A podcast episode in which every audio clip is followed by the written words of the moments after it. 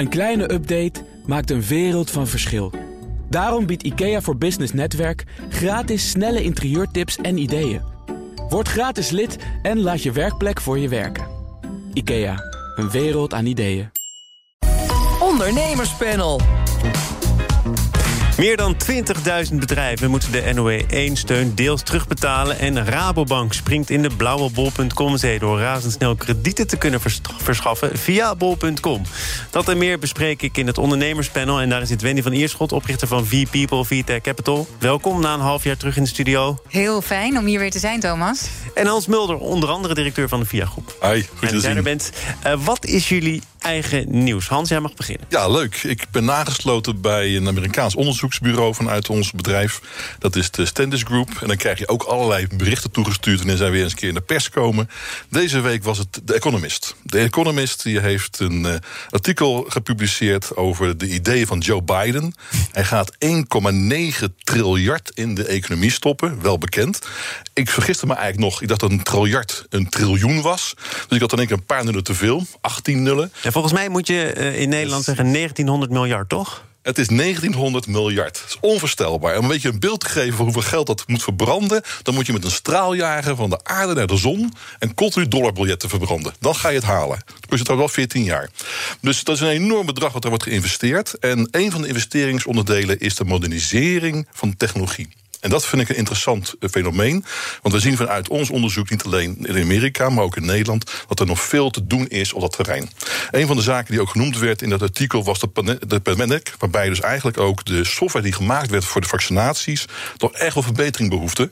Dus ja, we zien hier een, een goed initiatief. En uh, ja, dat vond ik eigenlijk wel een mooi nieuwsbericht. Maar met een leidende rol voor de overheid. Want Hans, we hebben het wel vaker gehad over ICT en de overheid. En vaak liet de aanleiding zich wel raden. Er was namelijk iets misgegaan. Er is misgegaan, ja, klopt ja, dat, daarom werd ik ook genoemd. We werden genoemd omdat de Stennis Group zei... dat er maar 13% van de projecten slaagt. En dan daar een miljard extra in stoppen. Overigens, die miljard gaat... Maar is het nou goed of slecht nieuws dan? Het is goed nieuws. Ik begin nu aan alles te twijfelen. Nee, die, die miljard gaat niet naar die projecten. Die oh. miljard gaat naar goede mensen. Wat ze gaan doen is met de goede jongens en meiden gaan ze mee uh, investeren in de goede uh, zeg maar, aanpak.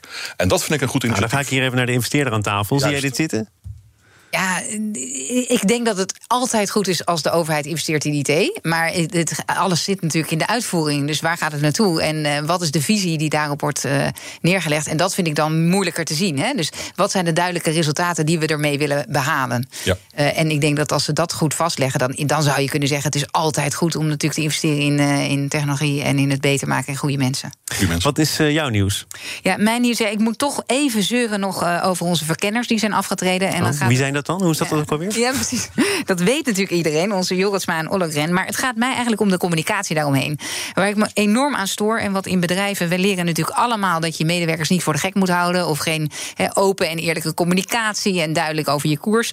En als dan onze politie zeggen, of onze verkenners zeggen, we kunnen ons werk niet meer doen omdat we niet meer onbevangen en onbevooroordeeld dat kunnen voortzetten, dan vind ik mij dat gewoon onzin. Want dan denk ik, uh, dat heeft natuurlijk niks te maken met het uitlekken van die, die documenten. Want daarvoor waren ze ook al niet onbevangen en onbevooroordeeld. Want je kunt dat werk sowieso niet op die manier doen. Dus ik vind dat dan een kulreden. En ik denk, zeg gewoon. En ik vond dat uh, Bram van Ooyik, die dit ook heeft, is overkomen in 2017, heeft hij Klaver vervangen. En toen heeft hij ook met een briefje naar buiten gelopen met Poetin erop. En uh, ook een hele discussie. Dat was veel minder precair dan dit. En hij zei gisteren bij Radio 1 heel goed. Dit is een menselijke fout. Dat kunnen we allemaal maken. Zeg gewoon: dit is dom, het is erg, het is verschrikkelijk en het is niet slim. En daarmee is de kous af. Maar ga niet tegen mij zeggen dat wij uh, niet meer onbevangen en onbevoordeeld Maar zou wat jou betreft de kous dermate af zijn dat deze verkenners dan weer door zouden kunnen? Nou nee, ik denk dat dat, oh, dus niet, niet kan. Nee, maar dat kan eigenlijk niet door jullie, door jullie journalisten, uh, Thomas. Omdat je daar nooit meer vanaf komt. Dus iedereen blijft dan zeggen: ja, maar eh, dit en hoe zit het dat? En nou, het heeft ook te maken met niet alleen dat er iets zichtbaar was op een papiertje, maar de boodschap op de papiertje. Ja, en dat was ook heel heftig. En dat uh, Rutte zegt dat je daar dan geen uitspraken meer over hoeft te doen, omdat je bent afgetreden, vind ik ook weer maar goed, eh, het is Toch? inmiddels duidelijk dat hij daar niet over gaat. Hè? Als de meerderheid van de Kamer een debat wil, dan komt er een dan debat. komt dat er gewoon. En Maar zeg, gewoon, zeg dan gewoon niet van... ja, ze hoeft het niet meer te zeggen omdat ze afgetreden is... maar we doen het niet, want het hoort bij verkennen... dat je dit soort teksten krijgt. En jongens, leg uit, zo werkt het gewoon. Dat weten we toch ook allemaal. Nu gaat iedereen in de hoogste boom... en het is natuurlijk verschrikkelijk wat er op die papiertjes staat. Dus daar zou je nog over na kunnen denken... van hoe ver wordt het spel gespeeld. Maar leid ons niet zo om de... Nee, ik ben nog een beetje aan het bijkomen van je strenge blik richting de journalistiek. We gaan snel naar een ander onderwerp, namelijk de terugbetaling van de NOW 1-steun. 140.000 bedrijven hebben die ontvangen. Eh, ruim 20.000 daarvan hebben inmiddels ook te horen gekregen dat ze een deel, of misschien zelfs wel alles, moeten terugbetalen. En eh, laat ik het even op een andere manier aanvliegen. Ik dacht namelijk, dat is ook goed nieuws, want dan Ja. valt het kennelijk allemaal voor die bedrijven mee. Dat is het ook, natuurlijk. En dat is een aardig bedragje, zie ik zo. Hè? 291 miljoen euro komt er terug. Van zo'n eh, 20.000 bedrijven. Helaas, 12.000 moeten wel nog extra steun krijgen. Ja. Dus het gaat niet iedereen heel erg goed. Maar het is ook wel soms een beetje jammer voor sommigen. Want dan heb ik gelezen dat als je de, je voorraad had verkocht... om een beetje weer liquiditeit te krijgen... en je verkoopt het met verlies, ja, is het toch omzet. Nee, precies. En dat, dat is wat er dus veel gebeurt. Hè. Je probeert toch nog iets te realiseren, Ja, omzet precies. verkopen... en je wordt dan gepakt, zoals dat ook in de verschillende media al En naar voren hetzelfde is geldt natuurlijk voor bonussen. Of iemand, de medewerker Ja. die twee jaar ziek is... en die heb je een transitievergoeding moeten geven precies in die maand... en dan valt toch je loonsom terug, terwijl je helemaal niemand hebt ontslagen. Dus er zitten heel veel, denk ik, eh, ingewikkelde gevallen in. Eh, in generieke termen denk ik zeker dat ondernemers hebben gedacht... we, zet, we vragen hem in ieder geval aan Ja. voor de zekerheid. En dat het dus in, voor een hoop bedrijven toch mee heeft, is gevallen... dat is denk ik heel goed. Tegelijkertijd denk ik wel... ehm, Welke ondernemer is erop vooruit gegaan in deze crisis? En ik denk dat er bijna niemand is die steun heeft aangevraagd, die het beter heeft gedaan. En ik vind dat wel een, een punt waarvan ik denk: eh, moeten we niet ook kijken? Want we gaan nu heel kijken, ja, die loon, eh, is je omzet teruggevallen of heb je inderdaad verkocht? Maar we hebben het allemaal slechter gedaan in die eerste paar maanden. Zeker voor de nou één, voor de mensen die het hebben aangevraagd. En dan vind ik dat je eigenlijk veel coulanter hiermee om moet gaan. Want het kost ook heel veel geld dat we geen zeggen we doen geen maatwerk, maar je kan wel bezwaar maken. En eh, ja, hoeveel, wat zijn de kosten en baten daarvan? Hmm. Dus je zou eigenlijk zeggen, ook al voldoe je eh, niet meer aan die NOW 1 criteria... en zou je dus voor een deel moeten terugbetalen... het feit dat je het niet beter doet dan vorig jaar... zou toch ook nog kunnen betekenen dat we daar niet al te moeilijk over doen? Nou, ik zou er best wel voor willen pleiten, ja. Om daar, om daar eh, een beetje flexibiliteit. En natuurlijk wil je niet dat een ondernemer zegt: Nou, dit is allemaal goed gelukt. Ik heb lekker veel geld van de overheid. Maar welke ondernemer heeft dat gedaan die NOW heeft aangevraagd. en die er echt beter is van geworden door die NOW-stim? Ik denk dat ze eh, met een speld in de hooiberg niet te vinden zijn. Gaat het, gaat het hier ook overigens over jou? Kan ik me voorstellen? Je bent Nou, ook ondernemer? Ja, ja, ik heb een HR-bureau voor scale-ups. Wij hebben de eerste, de eerste periode, dus de eerste maanden, maart, april, mei, hebben we zeker echt een tik gekregen. Vooral omdat heel veel recruitmentopdrachten wegvielen en wij daar veel in doen. Voor natuurlijk snel groeiende bedrijven.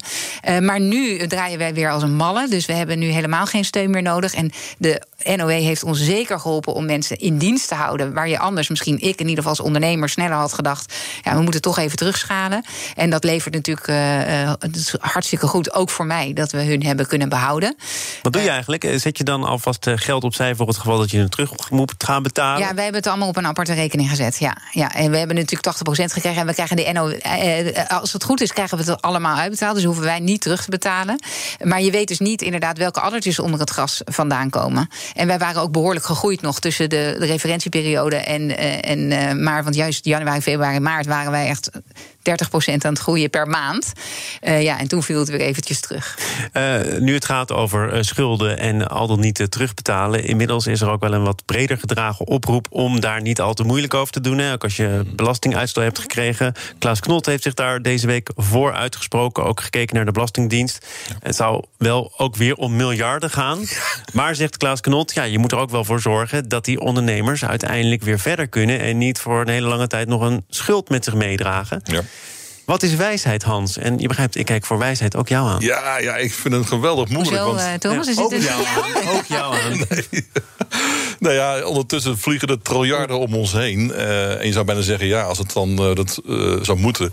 Maar ik vind ook wel dat dat in balans moet zijn. Kijk, als ik dan weer lees dat zo'n dat de Nederlandse vestiging en, eh, dat een bijdrage krijgt... en dat de aandeelhouders dan in het buitenland worden uitgekeerd... dan denk ik, ja, hebben we afgesproken dat we dat niet zouden doen. Voelt toch niet helemaal lekker. Hè? Volgens mij hebben we dat niet afgesproken. Dat staat Ja, niet in de wet. Dat schijnt Ja, uh, het is weer onderhandeld. Ze hadden dat in Ja. eerste instantie Ja. afgesproken en daarna hebben ze dat weer Ja. terug. Maar eh, het, het, het is namelijk juridisch helemaal niet houdbaar om in Nederland af te spreken dat er iets op een andere plek niet mag. Nee. Nee. Nee, ik denk wel, het enige waar ik me zorgen over maak... is dat we ongelooflijk veel geld eh, erin drukken en eh, bijdrukken eigenlijk. Hè? En dat eh, we zeggen alles maar uitstellen en betalen en leningen... en het komt allemaal wel later terug. Eh, wie gaan dat betalen? Ja, maar ja, jij zegt over die. NOW-regeling nu ook van... ook al eh, heb je daar formeel geen recht meer op, laten we niet al te moeilijk doen. Ja, maar dat is bijna een druppel op een gloeiende Ja, plaat, eerlijk gezegd. Als je ziet waar de steun allemaal naartoe gaat. Ehm, maar ja, dus, ja, ik maak me daar. Ik vind wel dat er te weinig debat wordt gevoerd over eh, eh, hoeveel, wat de consequenties zijn.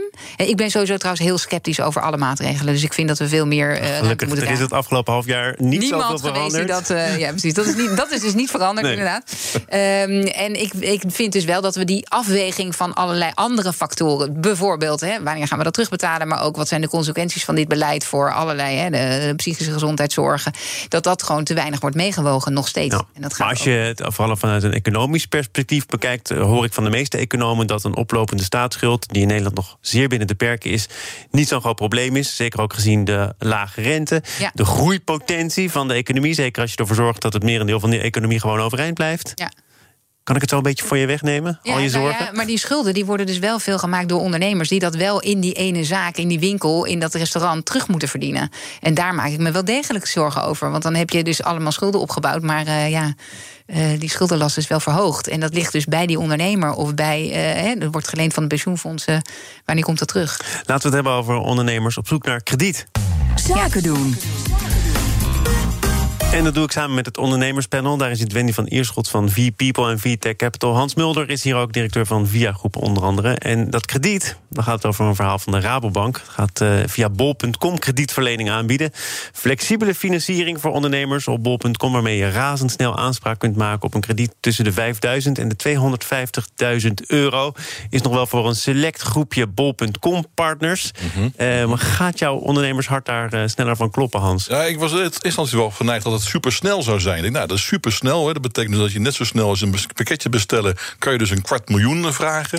Maar dat blijkt niet zo te zijn. Je Nou, moet- je weet het wel binnen een kwartier, toch? Ja, maar je moet wel een jaar lang al dus, eh, werken samen met bol.com. Dus we weten al precies wat je omzet eh, zijn, wat je transacties zijn, wat je betalingen zijn. En pas dan kom je in aanmerking voor zo'n stukje krediet. Het is bijna factoring. Het is helemaal niet zo nieuw, zou ik zeggen. Nee, ja, dat, dat, dat ik denk het ook. Dus, dus ik, het is overigens geweldig. Banken, prima, prima. innovatie. Nou, ze het moeten iets anders is hier al weg, hoor. Geweldig, maar het is Nee, gewoon maar in de, in de zin van dat ik wel denk, we moeten niet alle nieuwe dingen afzeiken, want we gaan zeker hier naartoe. En, Ja. Maar het is natuurlijk wel zo dat je denkt, die gegevens die zij van Bol dan nu kunnen Ja. uitlezen, Ja. die kunnen ze natuurlijk ook gewoon op de bankrekening uitlezen van Ja, die mensen waar die bestellingen worden gepleegd. Dus hoe nieuw is dat? En ik denk dat Bol misschien wel garant staat, daar zou ik me iets kunnen voorstellen. Hè? Dus dat ze Ja. misschien dat op een andere manier doen, waardoor je wat makkelijker als individuele ondernemer kan lenen. En dat lezen we dan niet in de krant. Ja. Ehm, maar goed, ja, ik, eh, Kun je nog even kort het fenomeen van factoring uitleggen? Want het bestaat al, maar eh, wat is dat precies? Ja, eh, Hans, jij kan het misschien beter dan Ja, ik. nee, je kan natuurlijk over je omzet die je maakt... kan je natuurlijk gewoon geld lenen. Eh, Dus eigenlijk is, het is onderpand is dan je, dat, eh, je omzet.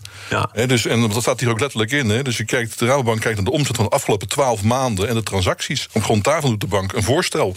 Hè, dus het kan heel snel gedaan worden. Maar ze kijken natuurlijk wel over wat is je omzet, hoe loopt dat door. Ja, en dat betekent dus ook dat als je niet gaat terugbetalen dat krediet... dan pakken ze natuurlijk een deel van je... Dat, eh, ja, je Het voelde voor mij eerlijk gezegd ook een beetje zoals Dragon's Den. Dus je zit daar in die, in die studio en dan zeggen ze, dan, worden, dan gooien ze de, de tonnen om je oren. Maar uiteindelijk na het programma ga je gewoon nog een heel programma toch in. Hè? Dus je hebt het wel zwaar toegezegd gekregen. Maar daarna moet je wel nog aan een heleboel voorwaarden voldoen. Maar het is toch niet zo gek dat de Rabobank eh, iets wil weten over een onderneming... voordat er wordt gezegd, hier heb je het krediet. Nee, tuurlijk, tuurlijk. Nee, Nee, dus maar daarmee is het normaal. Dus gewoon zoals het- altijd gaat eigenlijk. Maar de indruk werd gewekt in het artikel dat je supersnel, net zoals bij bol.com, eh, een kwart miljoen kon lenen. Maar dat is niet het geval. Je moet al een jaar lang in ieder geval samenwerken. Nee, maar volgens mij wo- wordt er ook een verschil gemaakt tussen... oké, we hebben een basis nodig waarop we wel kunnen beoordelen of jij kredietwaardig bent en welk krediet dat dan is.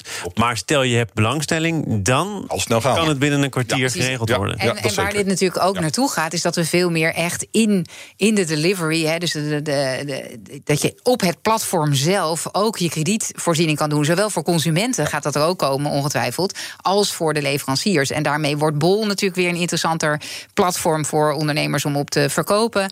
Je krijgt meer data-uitwisseling, dus dat is op zich wel een nieuwe manier van sneller handelen. Ja. Maar goed, dat, dat kan je in principe ook zonder zo'n platform, denk ik. Maar dat is dan een, een lange termijn ambitie dan. Want ik, ik dacht eerst, wat zit hier nou voor bol.com in? Voor bol.com zit het erin dat, eh, dat die eh, ondernemers nog meer risico kunnen nemen en meer in kunnen kopen en daardoor Ah, ja. sneller, kunnen, eh, sn- sneller kunnen leveren. Ja. Ja, Slim- en, slim en zij pakken overal marge op. Ja. Is, is hier nog een, een kanttekening bij te maken dat eh, ondernemers eh, misschien onverantwoorde risico's gaan nemen? Geld lenen kost geld, wou je zeggen? Zoiets. nou, dat ken ik ergens van. Daar ken ik ook ergens van. Nou ja, ik mag aannemen dat die percentages die dan dat, eh, afgesproken worden... ook supersnel bekend zijn. Hè, dus het moet wel zo zijn dat je dus weet waarvoor je tekent. Hè. Kijk, want en de die- bank die is natuurlijk op zoek naar nieuwe verdienmodellen. Hè? Dus ze moeten natuurlijk, ze verdienen niks meer op die rentes. Eh, eh, mensen gaan het elders beleggen, dan op die bankrekeningen houden, omdat je daar eh, een boeterente over moet maken. Dus op zich is dit denk ik wel weer een nieuw model. Maar ja, iemand moet het betalen. Het zal de ondernemer zijn, die misschien daardoor ook weer harder kan groeien. Dan is het alleen maar goed. Eh, Ja, want- Rabobank zegt uh, die tarieven die, uh, zijn vergelijkbaar met uh, onze bankaire tarieven. He, je hebt natuurlijk ook wel eens uh, aanbieders die heel snel krediet leveren en dan vervolgens. Moet je 12% over... betalen? Ja. ja. Nou ja, toch? En Ja, daar kom je dan nooit meer vanaf. Um, maar goed. Dan uh, iets wat uh, denk ik in het ondernemerspel nog niet eerder aan de orde is geweest, namelijk fout hout. Twee houtimporteurs worden persoonlijk vervolgd voor het importeren van illegaal hout uit Myanmar. Het gaat om. Teekhout en teakhout, wat Ja. moet ik precies zeggen? Zo weinig komt het dus aan de orde. Um, dat wordt onder andere gebruikt voor het dek van luxe jachten. Het gaat om uh, twee bestuurders van verschillende bedrijven, niet bij naam genoemd. Um, die hangt een gevangenisstraf van zes jaar maximaal boven het hoofd.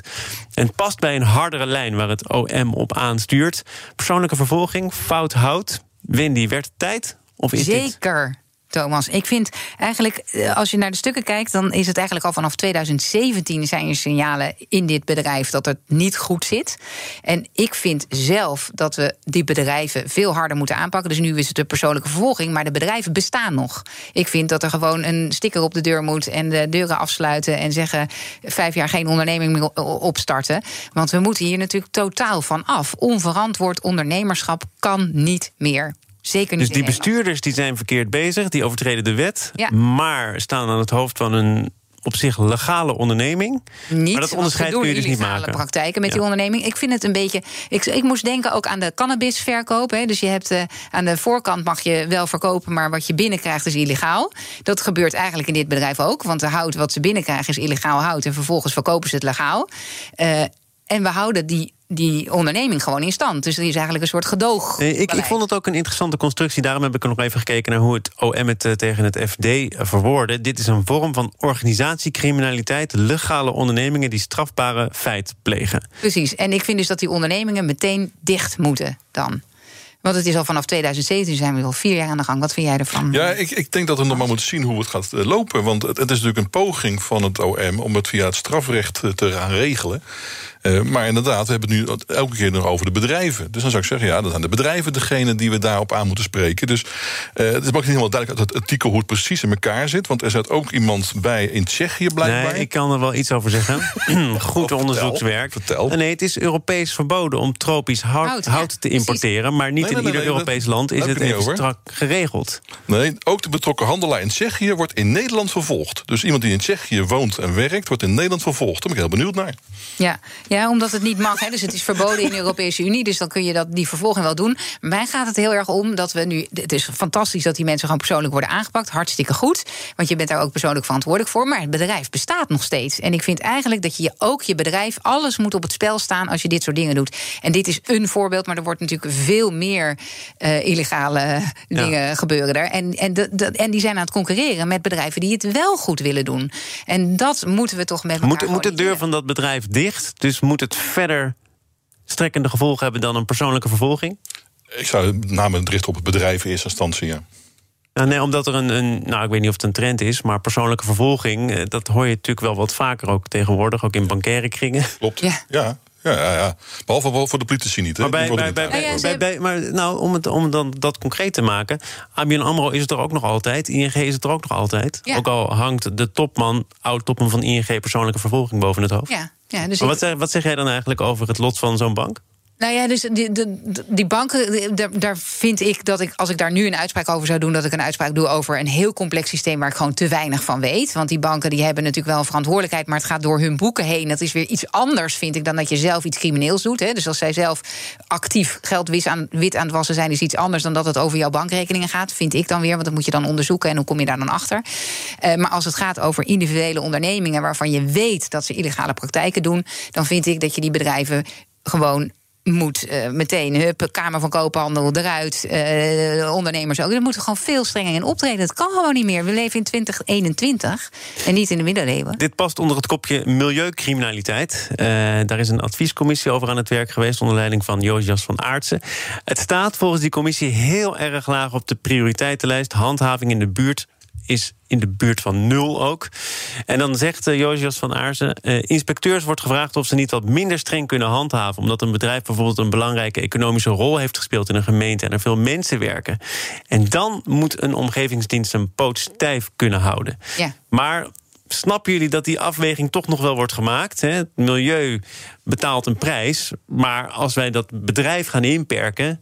dan heeft dat gevolgen voor bijvoorbeeld werkgelegenheid. Ja, maar ik, ik vind het dus zo moeilijk te begrijpen dat mensen niet zien dat als we nu over corona praten, wat voor een impact dat heeft. Dat is het met het klimaat en met uh, hoe we met onze natuur omgaan ook. We hebben nu, uh, ik, ik, weet de getallen niet precies, maar we hadden in Europa, uh, geloof, nee, ik weet, ik weet het niet precies, maar 100.000 minder doden door de verminderde luchtvervuiling. Veel meer overigens dan dus de coronadoden.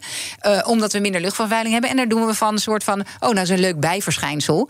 Maar dat moet ons toch wakker schudden van hé, hey, wacht even, er gaan dus 100.000 mensen minder dood omdat we minder luchtvervuiling hebben. En we vinden het allemaal nog steeds goed. Dus ja, leuk die banen, maar die banen moeten dus in gezonde industrieën. En die worden ook bedacht. Het is dat je nu, als je een goed bedrijf hebt en je wil het goed doen voor de wereld, word je weggeconcurreerd door bedrijven die gewoon alles aan hun laars lappen. Dat moet afgelopen zijn. Hans. Ja, je, je verlegt de kosten natuurlijk gewoon wat al vaker wordt aan de volgende generatie. En ik vind die kosten moet je inclusief maken. Dus die, de kostprijs moet ook inclusief het uh, recyclen zijn en het opruimen ervan. En dan krijg je een eerlijk speelveld. Dus het, dit eigenlijk benadeelt de bedrijven die wel proberen het netjes te doen. Daarom vind ik dat die bedrijven ook het aandachtspunt zijn. En ik begrijp niet helemaal waarom nou gedacht wordt dat het beter is om die personen uh, via de, zeg maar, de strafrecht te benaderen. Ik denk dat dat toch nog wel een vraag gaat worden hoe dat gaat uitpakken. Ik heb nog één uh, slotvraag voor jullie. Uh, er komt hier een moment dat we op de terrassen zullen zitten. Maar de vraag is dan, uh, wordt dat self-service of niet? Want uit onderzoek van FNV blijkt dat heel veel medewerkers... één op de vijf medewerkers in de horeca... niet meer terugkomt in die branche. zijn jullie net zo somber gestemd daarover, Wendy? Nou, ik vind 1 op de 5 nog best wel meevallen eigenlijk. Als je bedenkt dat je al een jaar niet kan werken in jouw vak. En dat je dan nog 80% overhoudt die wel weer terug wil keren. Want de meeste mensen moeten natuurlijk gewoon op zoek naar een andere baan. Dus dat dat een groot probleem wordt, dat zie ik. Tegelijkertijd denk ik wel dat we uh, ook dan zullen zien als alles weer open gaat. Er was natuurlijk ook een hoop horeca-ondernemingen die het maar kiele kiele aanredden. Dus ik verwacht toch ook dat er meer ondernemingen niet open gaan dan daarvoor. Dus hoe het tekort daadwerkelijk echt zal zijn, dat moeten we nog zien. En een beetje zelfbediening zal er dan misschien bij horen. Ja. Hans, kom je ook in beweging voor een biertje? Ja, ik, dat is machten natuurlijk. Maar inderdaad, je hebt gelijk. Als 90.000 medewerkers uit die horeca vertrekken... en ze komen niet terug, dan zal het toch een deel self-service moeten worden. Ja. Het is niet ook de robot, hè? De, de robot in de, in de restaurants doen oh, het ja. heel goed. Klopt. Dus dat klopt. zal wel weer een nieuwe technologische vooruitgang zijn. En ik denk ook dat er heel veel mensen zijn die ontzettend leuk vinden om weer op terrassen te werken. Dus dat er misschien ook wel een hoop medewerkers van hun nieuwe baan snel terugrennen zodra er zekerheid is. Wendy van Ierschoot, ren ook weer een keertje als je de studio uitgerend bent. De studio weer in voor een volgende keer. Graag. Van V-People en V-Tech Capital. En Hans Mulder van de VIA Groep. Dank voor jullie bijdrage aan het ondernemerspanel. Zometeen is het tijd voor een pitch in Benerzaken. Een kleine update maakt een wereld van verschil. Daarom biedt IKEA voor Business Netwerk gratis snelle interieurtips en ideeën. Word gratis lid en laat je werkplek voor je werken. IKEA, een wereld aan ideeën.